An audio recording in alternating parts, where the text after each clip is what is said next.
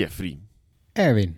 welke film moet volgens jou de Oscar voor beste film winnen dit jaar? Ja, het- Ik heb een, ik heb een lijstje. ja, zullen we ze even opnoemen? Want ik kan me voorstellen dat niet iedereen helder heeft welke films genomineerd zijn voor beste film. Ik, we hebben Anatomy of a Fall, American Fiction, Barbie, The Holdovers, Killers of the Flower Moon, Maestro, Oppenheimer, Past Lives, Poor Things en The Zone of Interest. Welke film moet het volgens jou worden? Nou, ik zit te twijfelen tussen The Holdovers, Oppenheimer, Past Life en Poor Things. Oké, ja. En dan denk ik dat ik ga voor Poor Things. Wauw. Ja, Ja, Eh, van tevoren eh, nemen we altijd even het draaiboek door en zo. En toen zeiden we alle twee, ja, ik weet niet wat ik ga antwoorden. Eh, dus het is nog steeds heel lastig. Eh, maar ik, de- ik ga ook voor Poor Things. ja? Ja, en ik vind hem eh, niet perfect. Maar ik vind dat... Ik, ik heb dan dus bijvoorbeeld eh, Barbie, die staat ook heel hoog op mijn lijstje. Maar meer ook wat dat gewoon gedaan heeft, zeg maar. Dus meer een soort...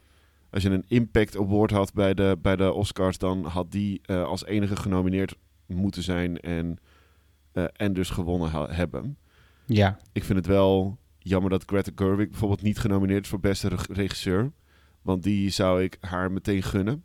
En dat Margot Robbie niet geregs- eh, genomineerd is als be- beste hoofdrol. Want die zou ik ook meteen gunnen.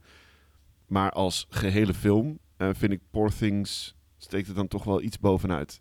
Dat was zeg maar een film waarvan ik aan het einde van de film eigenlijk wilde gaan staan en applaudisseren in de bioscoop. Omdat het zo goed was. Ja. Ja, en zo mooi. Want, Ja. want ik, eh, ik heb bijvoorbeeld ook Past Lives gezien. Die is nu te zien op Amazon Prime. Mhm. Ja, dat was voor mij echt het, het, het voorbeeld van... je hoeft helemaal niet veel te doen in een film. Als je maar gewoon een ontzettend goed verhaal hebt... en twee ontzettend goede acteurs, dat is eigenlijk voldoende. Want er gebeurt verder vrij weinig in die film. Ja, nou daar zat ik echt met een brok in mijn keel eh, op het einde te kijken van, van ontroering.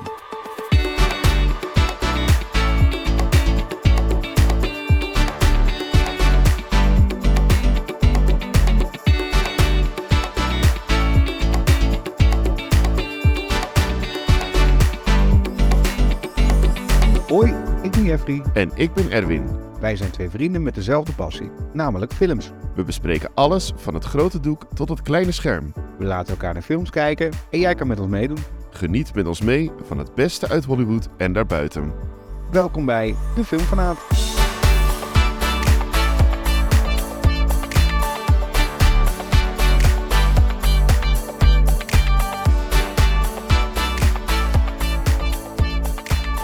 Deze aflevering gaan we het hebben over dramafilms. We gaan even uitleggen wat is nou een dramafilm en wanneer is het een dramafilm en wat valt er allemaal onder.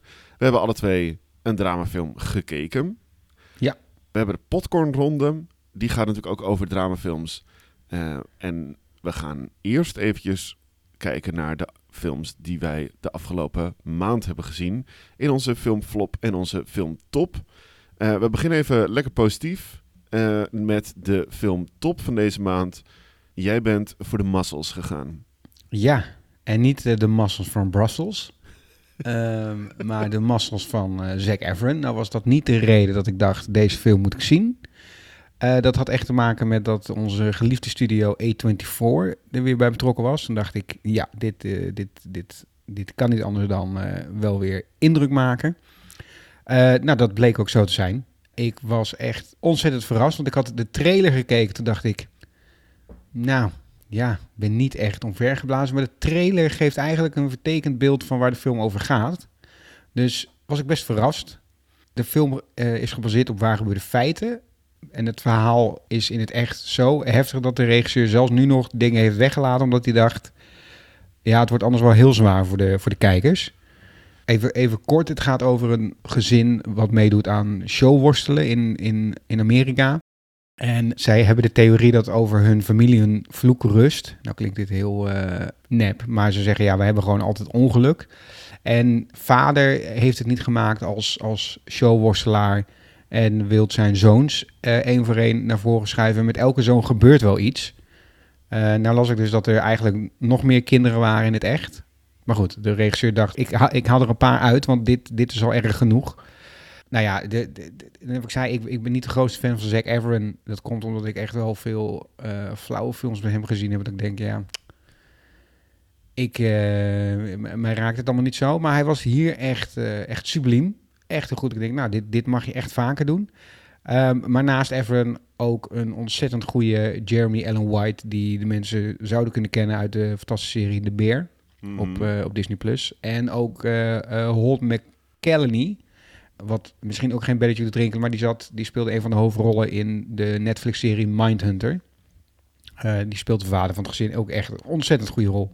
En het is ongelooflijk dat deze film maar één Oscar-nominatie op zak heeft. En het heeft helemaal niks te maken met script of acteurs. Het heeft volgens mij iets met, met camerawerk te maken.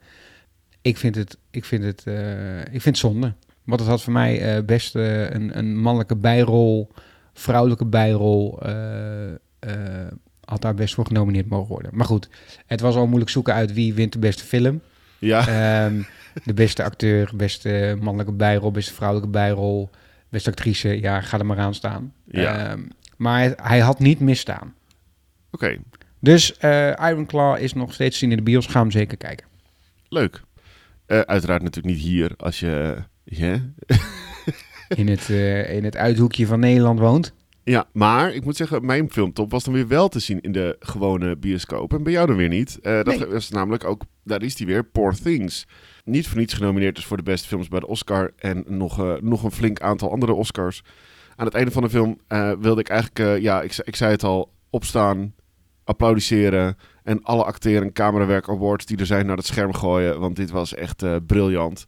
Emma Stone die speelt echt fenomenaal. Mark Ruffalo die speelt geweldig. Willem Dafoe die is eigenlijk altijd goed. Eh, maar zeker met, eh, met zijn hele halve gezicht, eh, opgeplakte gezicht, werd het eigenlijk nog wel beter. En naast deze drie staan is eh, eigenlijk ook gewoon niet te doen. Daarnaast is het camerawerk vreemd ook. Soms kijk je door een soort fish eye. Er is ook soms met opzet slecht gefilmd. Dus het is niet altijd helemaal scherp. Er wordt ook soms ineens heel erg uitgezoomd of juist heel erg ingezoomd. Kleuren of juist de afwezigheid daarvan. Dus gewoon zwart-wit was het dan ineens. Het was prachtig. Ik vond dat het verhaal wel iets te lang bleef hangen op één eh, specifiek onderwerp. En dat, nou ja, we hadden nog even geappt eh, van de week. En daar was je het ook al mee eens. Emma Stone die was ook wel heel veel naakt. En na Ja. een tijdje vond ik dat niet meer echt heel functioneel en een beetje onnodig. Maar verder heel erg eh, briljant. En eh, wat mij betreft dus de, de, de winnaar van de Oscar voor beste film van, eh, van dit jaar. Nou hebben we ook Ja. wat, wat, wat, wat slechtere films gezien deze maand. Ja, wij zouden Jeffrey en Erwin niet zijn als we wat te zeiken hebben. En we beginnen met een sterrencast. Nou, ja, ik heb het in de vorige aflevering hadden we het erover. Hè? De film Argyle. Daar keken we heel erg naar uit. ja. Eh, Onterecht, onterecht. Ja, nee, dit was echt wel een hele grote tegenvaller. En ik weet nog dat jij een tijdje geleden zei... ja, eh, weer, een, eh, weer een grote film van Apple. Ja. Nou ja, het is eigenlijk wel de tweede grote tegenvaller. Want na Napoleon Nou. is, is Argyle echt wel vies tegengevallen. Waar moet ik beginnen? Ik vond het wel grappig dat mij stoorde iets en jou was dat niet opgevallen. En wat jou stoorde was mij dus weer niet opgevallen. Wat mij opviel was dat we keken naar een spionnen comedy, actie, Ja. drama gebeuren. Met wat romantiek erin. En dat, je na, dat, dat er werd gezegd, ja, hè, oh, ons liedje van heel veel jaren geleden. En dat Oh, was dus ja, een ja. nummer van de Beatles wat afgelopen december is uitgebracht. Dus dat maakte voor mij eigenlijk echt dacht van, oh, volgens mij hadden ze een ander nummer.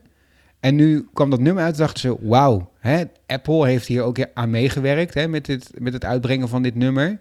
Oh, laten we, nou, we, skippen die andere, we gooien deze er nu gewoon tegenaan nog even in de montage. Da- zo kwam die heel erg, heel erg over. Wat jou dus weer opviel, was dat er, je bent helemaal doodgegooid met het, met het Apple-apparatuur. ja, ja, iedereen zit echt constant op iPhones en iPads. Na, na het zie je, zie je Samuel L. Jackson, zie je zo op drie iPads zo van alles doen en zo, zo swipen en zo. Dat je denkt, wat doe jij? Ja. Nou ja, we- weet je, het, het, eh, de, de, de regisseur die, die kun je kennen van Kingsman. En Ja. ja, die waren gewoon echt... Ja, dat zag er gewoon wat strakker uit. Eh, het verhaal was, was, vond ik grappiger ook. Ik, ik miste hier een beetje de, de, ja, de humor, het was veel, eh, veel greenscreen ook, voor mijn gevoel. Ja, en ook niet mooi. Nee, ja, die, die acteur, die eh, Henry Cavill, eh, die ook Superman Uh-huh. speelt. Ja, ik heb er gewoon niet zo heel veel mee. Dus dat hij echt ongehaverklapt door dat beeld kan wandelen. Daar werd ik ook een beetje moe van. Ik vond het ook niet heel erg... het, het, het voegde niet heel veel toe in, in veel scènes. Nee, het was, eh, het was alsof je een, eh, een, een, een taart uit de oven haalt... eh, en die je te vroeg hebt uit de oven hebt gehaald... en dat die in elkaar dondert. Ja, Dat, zo liep ik een beetje de zaal uit. Ik ging er zitten met, met lekker eten en drinken. En ik zat helemaal met, in mijn handen te wrijven toen, toen de opening begon. En aan het einde van de film... nee, was het een vieze tegenvaller. Ja het, is, het was heel jammer. Maar goed, volgens mij vergeleken met de film waar jij nu op losgaat... eh, was Arkel eh, nog wel een eh, flinke meevaller. Ja, ik heb, ik heb Madam Web als filmflop van deze maand. Ehm, dit is echt... Met, in de decemberaflevering hebben we het gehad over... eh, wat is de allerslechtste film van, eh, van de 2023? Nou, toen had ik eh, Winnie de Pooh genoemd. Als een van de films die zeg maar, echt gewoon heel slecht was. Uiteindelijk noemde ik toen eh 65, omdat dat gewoon zo erg tegenviel. Ja, Maar zeg maar, Winnie de Pooh, ja, dat was natuurlijk gewoon heel slecht. Maar dat was ook een beetje de bedoeling. Ja. Dit is slechter dan Winnie de Pooh. wauw. Oprecht. Ja, dit was echt... Dit sloeg helemaal nergens op. Er is ook geen verhaal. Eh, ik ga altijd naar View bioscopen en ehm, daar heb je pauze. En in de pauze appte ik Jeffrey met... "W- Er is nog niks gebeurd. Nee. En er was ook letterlijk nog niks gebeurd. Ehm, de audio van eh, Tahar Rabin... ehm, dat, het zag ik ook nog een paar keer terugkomen op het internet. Maar dat viel mij ook op. Dat lijkt later opgenomen. Je ziet hem namelijk niet praten in de camera. En het klinkt heel anders. Eh, dat heb je nou nu met van die fantastische bioscopen die eh, Dolby Atmos en zo hebben. Dus elk klein dingetje hoor je. Maar dan hij is, je- hij is wel in beeld. Ja, maar nou als hij praat, dan is vaak de tegenspeelster in beeld. Oh. Dus niet hij zelf, maar wel de tegenspeler. De tegenspeler die heeft veel beter geluid dan dat hij heeft. Dus hij klinkt een soort blikkerig en, en, en krakerig en heel hoog. En dan heb je de tegenspeler en die, dat klinkt dan, dat is dan een vrouw vaak. En die heeft een hele mooie, volle, ronde stem. Dus het klinkt ook echt alsof het apart is opgenomen. Super raar Ja. ja, we hadden het ook kunnen weten. Twee van, de, twee van de schrijvers van deze film... die hebben ook Morbius, The Power Rangers... en Gods of, Gods of Egypt geschreven. Ja, geen hoogvliegers. Nou, het- ja, precies. Ik noem nu ook expres even geen namen van ook andere acteurs of de regisseur... want ik vraag me ook heel erg af... in hoeverre dit echt aan hun ligt. Eh, Ja. eh, ik verwacht namelijk heel erg dat Sony, de, de studio hierachter, dat die zich hevig heeft bemoeid met de film. eh, en dat eh, iedereen wiens naam eronder staat, gewoon slachtoffer hiervan is geworden. Ja. Dat En ze hebben getekend en daarna allemaal gewoon flink genaaid zijn. Ja, ja. Ja. Ja, ook bijvoorbeeld de regisseur staat ook als, als, als schrijver. En zij is in de hele presstour de film aan het verdedigen. Maar ik, ja, ik, ik weet het niet. Ik geloof er niet heel erg. Als je ziet wat zij nog meer heeft gemaakt, dan geloof ik niet dat zij dit fantastisch vindt. Nee. Dus dat is eh, jammer. En bijzonder, hè? Want, want eh, de, de Sony-films, de live-action films, floppen allemaal. Ja, de, de, de Spider-Verse eh, Ja? Marvel dingen. Ja. Ja, maar ze blinken dan wel weer echt gigantisch uit met hun Spider-Man animatiefilms. Ja. Ja, dus ergens zit er iemand die dat wel kan. Maar Sony Animation, die, die, die weten wat ze doen, inderdaad. Ja, Maar de Sony Marvel eh, mensen, die, eh, die snappen er helemaal niks van. Kijk heel erg uit naar Craven the Hunter. Ja die, toen, toen die trailer uitkwam, toen appte ik jou al van, nou, dit, wordt echt, dit is echt, echt belachelijk gewoon. Het zal mij ook niks verbazen als die gewoon niet meer in de bios komt. Nee, dat denk ik, het zou me ook niks verbazen. Want hij wordt nu zou zoveel verbazen. of uitgesteld. Ja. Ja, Heb je, heb je zin in een spelletje? nee. Oh, we gaan het wel doen. Oké, is goed. Oké, ik noem zo een aantal dingen op. Eh, dat zijn allemaal dingen die eh, eh, belachelijk zijn en in de film gebeuren. Eh, Behalve één ding, dat is niet gebeurd in de film. Oké, dan moet jij raden welk ding er dus niet gebeurd is in de film. Oké. Ja. Madam Web is geboren in een grot in Peru met de hulp van magische spider people. De drie Spider-Women in de film, die zie je nooit in een outfit, behalve als iemand droomt. Eh, Evil Spider-Man wordt vermoord door de letter P. Madam Web wordt na een tijdje gezocht voor kidnapping door de NYPD. Madam Web rijdt Evil Spider-Man niet één, maar twee keer over met een voertuig. Peter Parker wordt in deze film geboren, maar dat wordt niet benoemd. Madam Web splitst op onverklaarbare wijze in drie geestachtige versies van haarzelf aan het einde van deze film. En Madam Web wordt blind en belandt in een rolstoel.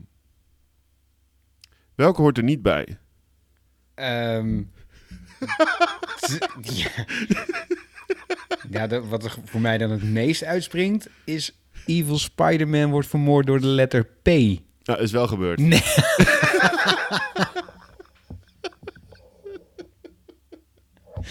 nou, dan eh eh splitsen op onverklaarbare wijze in drie geestachtige feest van zichzelf aan het einde van de film. Nee, dit is ook gebeurd. Nou, dan rijdt, ze, dan, rijdt ze, dan rijdt ze twee keer over die Evil Spider-Man. Dat is ook gebeurd. Het is allemaal gebeurd. Nee.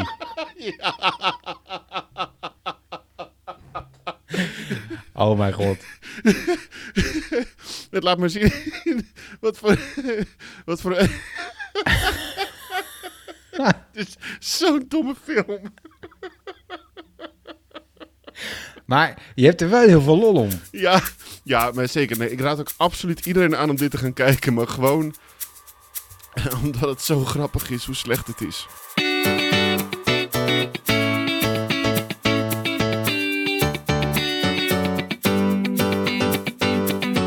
We gaan het hebben over dramafilms. Gezellig. Zeker, we gaan, eh, we gaan lekker janken. Nou, dat hoeft niet, trouwens niet eens. Eh, een dramafilm hoeft niet per se eh, over janken te gaan. Maar het is wel een filmgenre dat emotionele thema's behandelt. En waarin intermenselijke conflict situaties de boventoon voeren. Wauw. Ja, dat klinkt heftig, hè? Mooi gezegd. Ja, zeker. Ik heb het van Wikipedia. Oh, De kijker krijgt inhoudelijk veel te zien van bepaalde persoonlijke ontwikkelingen van één of meer hoofdpersonen in het verhaal. Het genre is erop gericht om de kijker zich in de personages te laten inleven. ja. Dus dat, je- dus dat je als kijker een beetje her- herkenning ziet in wat er gebeurt. Ja, bij een dramafilm dan denk ik toch vaak meteen aan een soort liefdesdramafilms. Maar dat is helemaal niet nodig, want een, ook een oorlogsfilm, een detective, historisch drama, tragicomedies zijn de thema's die het meest voorkomen bij dramafilms. We denken eigenlijk al heel snel aan, eh, nou, aan films als The Notebook of eh, Eat, Pray, Love en andere verhalen over de liefde. Maar dat hoeft dus eigenlijk helemaal niet. Volgens eh, de Screenwriters Taxonomy, die zeggen zelfs dat drama zelf een te grote term is voor een film omdat zij zeggen, ja, bijna alle films zijn drama. Want bijna alle films gaan namelijk over intermenselijke conflict situaties. Ja. Je kan het niet in één genre pakken. Dus eigenlijk was, was Madam Web ook een dramafilm. De film was drama. Ja, eh, ja zoiets, ja. ja. Volgens eh, IMDb zijn de beste dramafilms The Shawshank Redemption, Schindler's List, 12 Angry Men, Fight Club en Forrest Gump. En Onthoud welke eventjes. heb jij gezien, Erwin? Van dit kleine rijtje. Ik heb ze alle vijf gezien. Wat goed. Ja. Ook Ja, 12 Angry Men. ja, zeker. Die hebben wij, die, toen op de middelbare school hebben wij die eh, gekeken. Oh, wat een Ja. goede middelbare school heb jij gehad. als je 14 bent, dan vind je er echt geen reet aan. Nou, ik vond het toen wel al. eh, ik vond het toen eigenlijk ook wat vet. Maar ja, dan zit je een film met de jaren 50 te kijken. Dat is niet heel. eh, Nee, is niet je lievelingsbezigheid als je 14, 15 bent. Maar. nee. Wij, wij keken Schindler's List. Oh ja. In de, in, de, in, de, in de aula werd die opgezet. Zo, gezel. Dat was ook in de, in de periode van mei. Eh, en ik weet dat ik... Nou, ik was toen ook eh, eh, 14, 15, denk ik. En ik weet dat ik nog heel erg, heel erg boos werd. Omdat je, je zit daar natuurlijk ook met allemaal pubers. En je hebt natuurlijk die eh, verschillende scènes in het concentratiekamp... waar de mensen eh, naakt door het beeld lopen. Ja. En dat, dat mensen begonnen te joelen en te... te, te hè, van die, Oh. ja, dat, dat vond ik toen zo, dat, dat vond ik toen zo erg. Dat ik echt dacht, Ja. oh, jullie hebben echt geen idee waar je nu naar zit te kijken. En nou ja, goed, dat, het, het zijn pubers, dus bij niet iedereen is dan het brein al volgroeid. Maar ja, dat, eh, dat had toen wel indruk gemaakt, ja. Ja. ja. Maar goed, 12 Zo. Angry Men heb ik dan weer niet gezien op de middelbare school.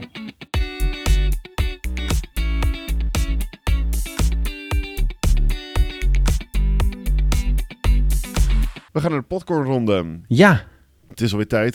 Ben je er klaar voor? ik eh, zit er klaar voor. Oké. Kom maar door. Een dramafilm is het beste als ik mij volledig kan inleven in het karakter. Als in, het karakter moet precies hetzelfde hebben meegemaakt als wat ik ooit heb meegemaakt of zo. Oh nee, nee. Nee, oké. Een dramafilm valt of staat met het acteerwerk meer dan bij andere genres. Ja, Als deze acteur in een drama speelt, dan weet ik dat ik het leuk ga vinden. en dan moet ik een naam noemen. Ja, De, oh, de, ehm, voor, voor mij is dat Jake Gyllenhaal. oh ja. Dan ga ik voor Joaquin Phoenix. Oké. Deze acteur wil ik nooit meer in een dramafilm zien. Ben Affleck.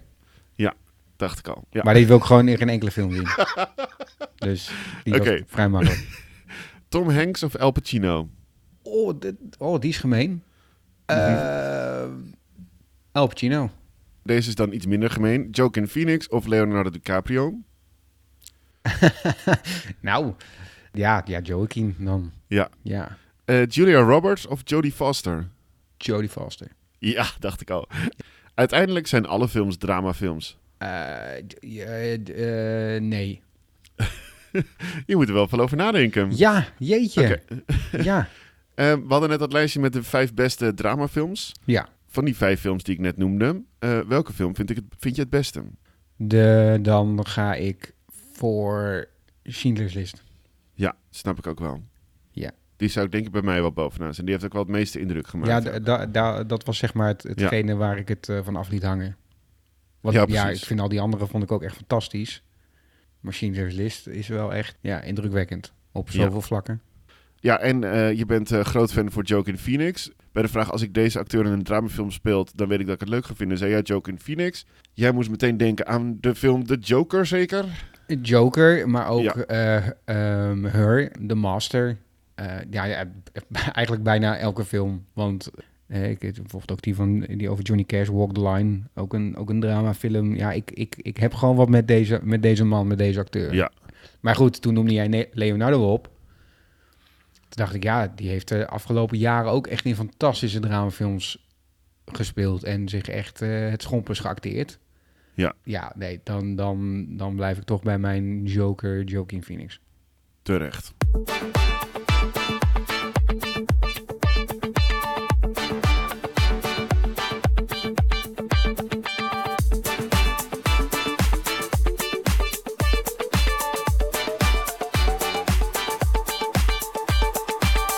Het is tijd om naar de hoofdfilm te gaan. We hebben alle twee weer een film voor elkaar uitgekozen. Ik mocht van jou de film The Father kijken.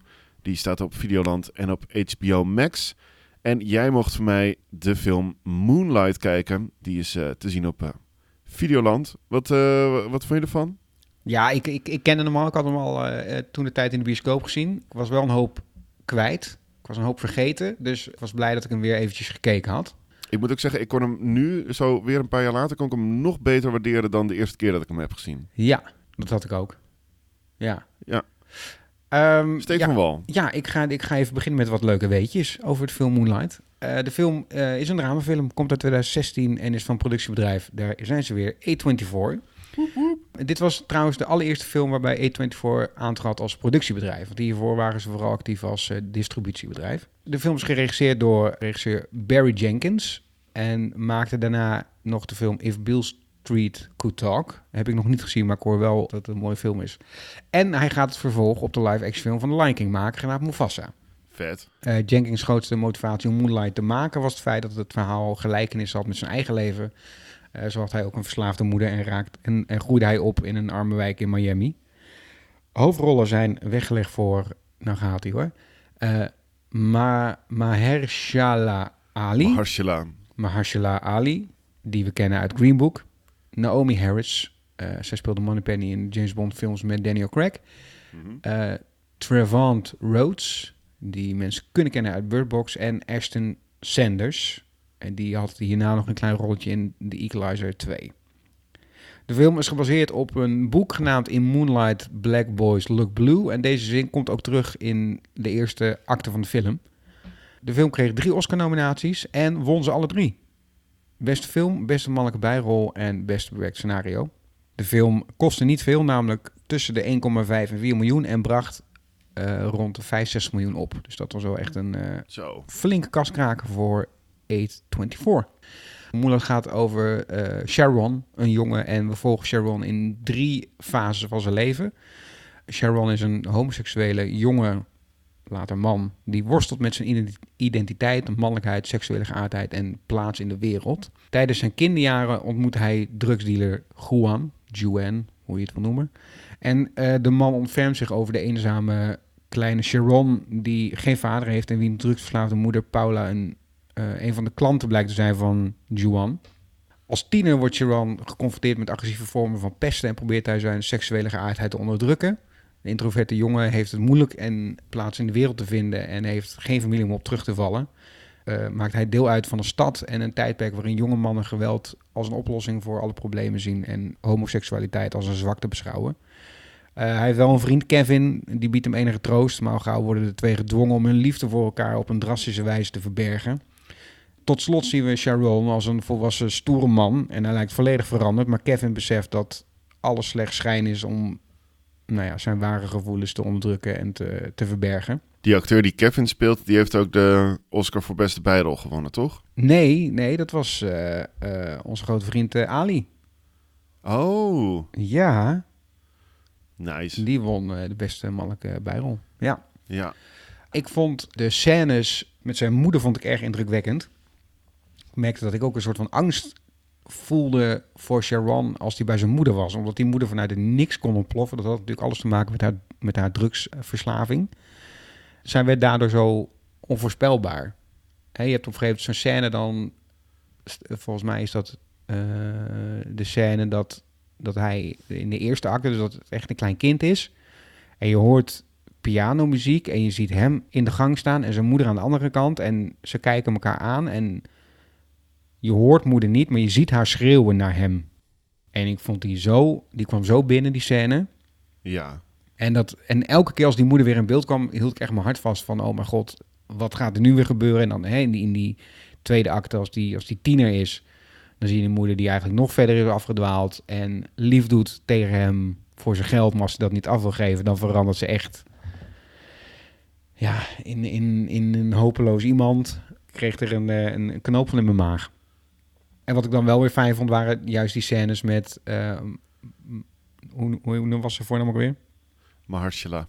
Mahershala Ali. Die waren dan echt wel weer fijn.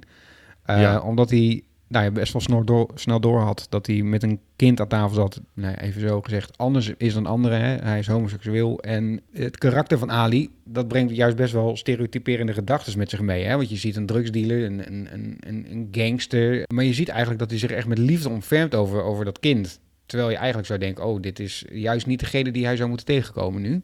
Uh, maar hij neemt echt die vaderrol op zich. En dat vond ik echt, uh, echt ontroerend uh, om te zien.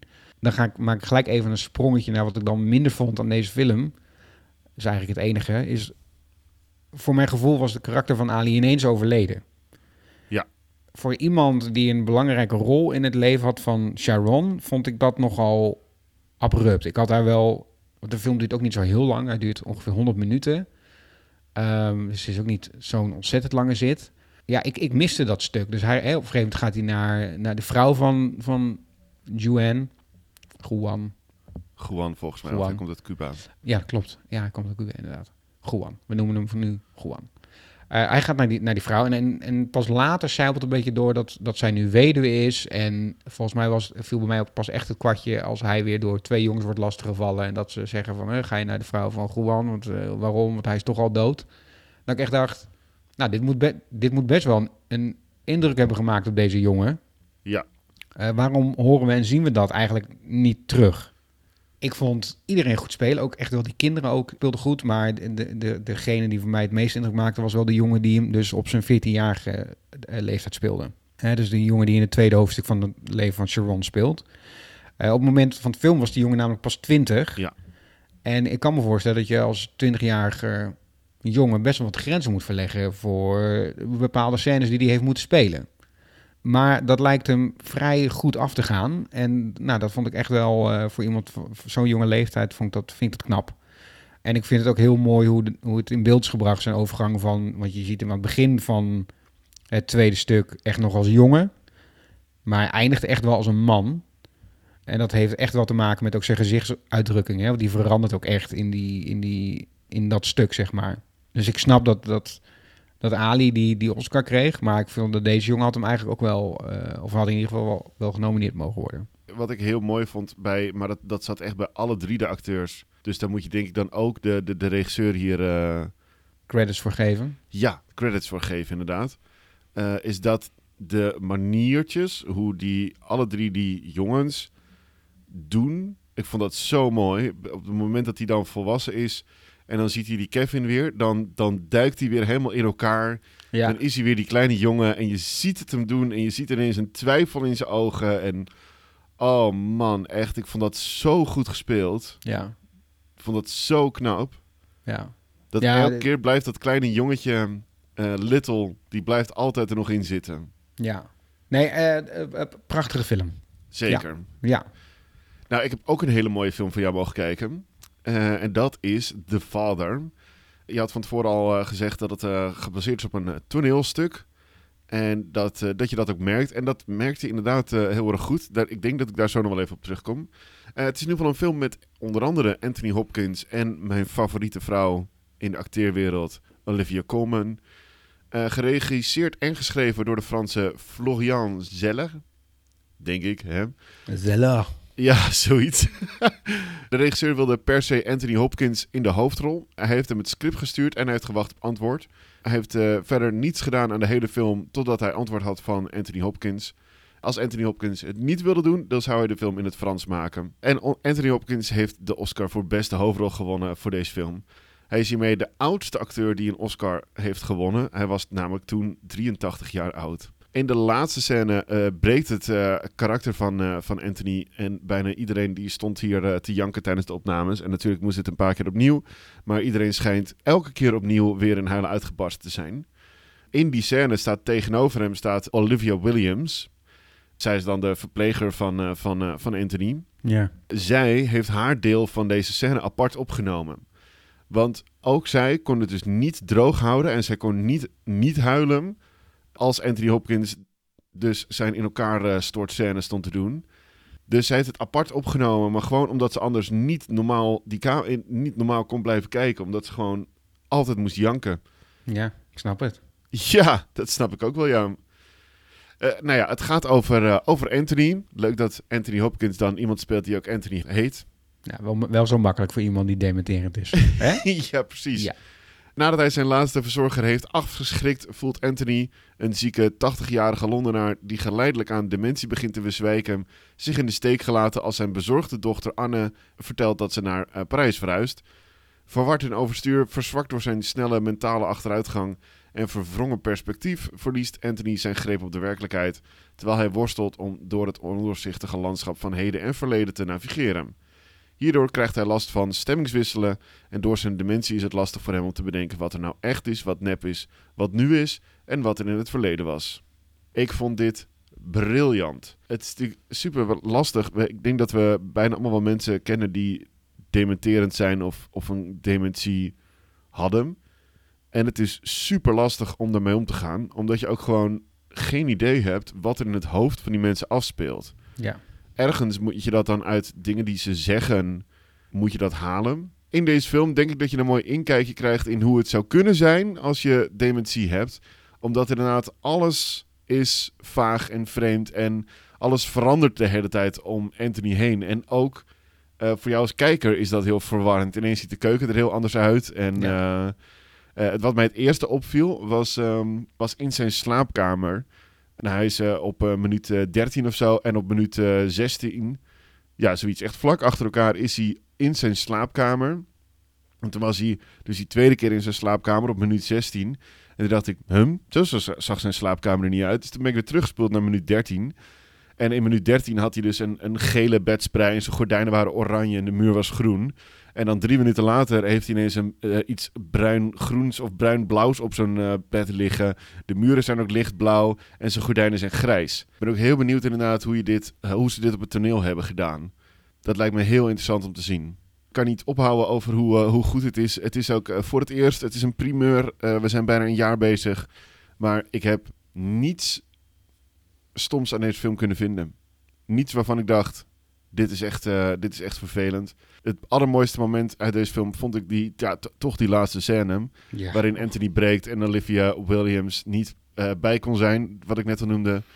I want my mommy. I want someone to pick me up. And I want to go home. Ach, dat, ik vond dat... Oh man, echt, die ging I'm nog merg en losing been. all my leaves. Ja, maar die Ja. ook. Ach, dat was, vond ik zo'n mooi, zo'n mooi metafoor. Eh, het is Ja. echt een prachtig script en, en meesterlijk uitgevoerd door Anthony Hopkins. Wat ook prachtig is, is dat door deze film heen bijna alle scènes opgenomen worden in hetzelfde huis. Eh, behalve een, een, een, een willekeurige scène even op straat of in de gang. Maar verder is alles in, een, in één huis opgenomen. Maar dat ziet er dus inderdaad ook telkens anders uit. Maar zelfs als hij naar de dokter gaat, dan belt zijn dochter, die belt hem aan. En dan zegt hij, ben je de sleutel vergeten? En dan denk je, ja, de, wat, waarom doe je niet gewoon de deur open? Want je bent bij zijn huis, maar dan gaat die deur open en dan zijn ze ineens in een kliniek. En dat, ja, het is echt, het is zo goed. Het is zo Ja. goed. Eh, sowieso hou ik altijd wel van verhalen met een onbetrouwbare verteller. Ja, de, mijn favoriete acteur is dus ook Anthony Hopkins. Het kan er eigenlijk maar eentje zijn. Wat een geweldige acteur is dit. De Oscar is meer dan verdiend. Eh, en door zijn acteerwerk kan je inderdaad een voorstelling maken van hoe het is om dementie te hebben. En, en eh, de, de- Olivia Colman, dat is, dat is jouw favoriet. Ja, absoluut. Maar Ja. had, je, had je het gevoel dat zij een beetje ondersneeuwde door het fantastische acteerwerk van Anthony Hopkins? Nou ja, ik wilde zeggen, zij, zij is goed, maar zij is eigenlijk altijd goed. Eh, maar Anthony Hopkins was zo goed in deze film. Maar dat, dat werd ook wel, eh, dat is ook wel zo'n ding met het verhaal en met de regie en, en hoe iedereen speelt ook wel zo gedaan. Eh, ik vond Mark Gatiss bijvoorbeeld als The Man, die vond ik ook heel erg goed. En Olivia Wi- Williams als eh, the, the Woman, die was ook heel goed. Maar ja, er wordt zo'n ruimte gemaakt ook voor Anthony Hopkins om, om echt even goed te shinen. Dat je er eigenlijk ook gewoon bijna niet tussendoor komt. En dat is ook helemaal niet erg. Nee.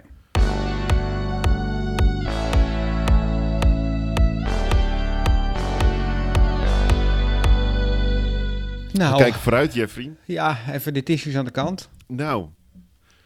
Ja, want dit, eh, dit, dit was de drama weer voor deze week. Ja. voor deze maand zelfs. We gaan namelijk eh, iets heel anders doen. We gaan eh, naar, de, naar comedyfilms eh, voor, volgende, voor volgende maand. Dus we gaan echt het tegenovergestelde doen. Maar eerst kijken we nog even vooruit naar wat er de komende tijd in de bioscopen en op de streamingsdiensten komt. ja, want het is een hoop. Ja? Het was echt even, even, even afvinken. Ja. Misschien is het leuk dat we het op willekeur, willekeurige volgorde gaan doen. Dus de, de, film die als eerste uitkomt, dat diegene begint. Eh, ja, dat is goed. Dan begin jij. Nee, dan begin jij. Oh ja, inderdaad. Want die is... eh, die is eh, Volgende Nou, week al. op- ja, als je dit inderdaad op vrijdag luistert, dan is dit volgende week. Als je dit later luistert, dan is het misschien nu al. June Part 2, die komt in de bioscoop. Ik lees hier alleen maar goede verhalen over nog. De eerste recensenten die zetten dit echt op gelijke voet met Lord of the Rings. Dit tweede deel, waar het eerste deel ook heel goed was, maar niet zo goed als Lord of the Rings, wordt dit tweede deel op hetzelfde, voet gezet eh, van hoe goed het eigenlijk is en hoe goed het dus kan worden als eh, trilogie Doe maar. ja, dat maakt mij nog meer benieuwd. Timothy Chalamet, hè, daar is hij weer.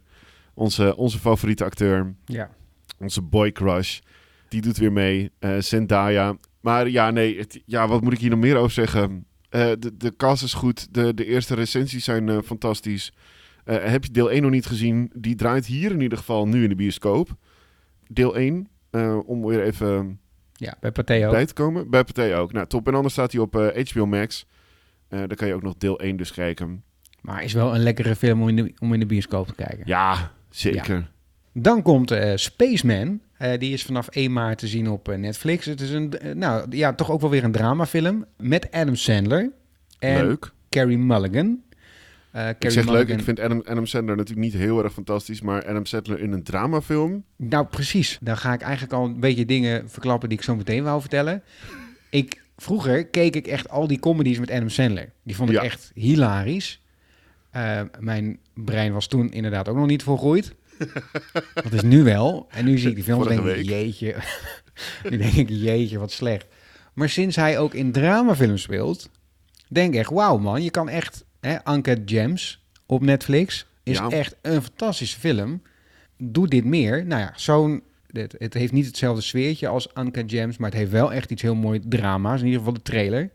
Uh, we volgen een astronaut die al zes maanden onderweg is op een solo-missie en onverwachts hulp krijgt van een mysterieus wezen die hem zijn huwelijksproblemen onder ogen laat zien. Mij uh, deed de trailer in ieder geval heel veel uh, goeds en ik kijk er ontzettend naar uit. Ik heb ook nog een film op Netflix. Nou, dat is Damsel. Dit was volgens mij niet zo heel erg goed.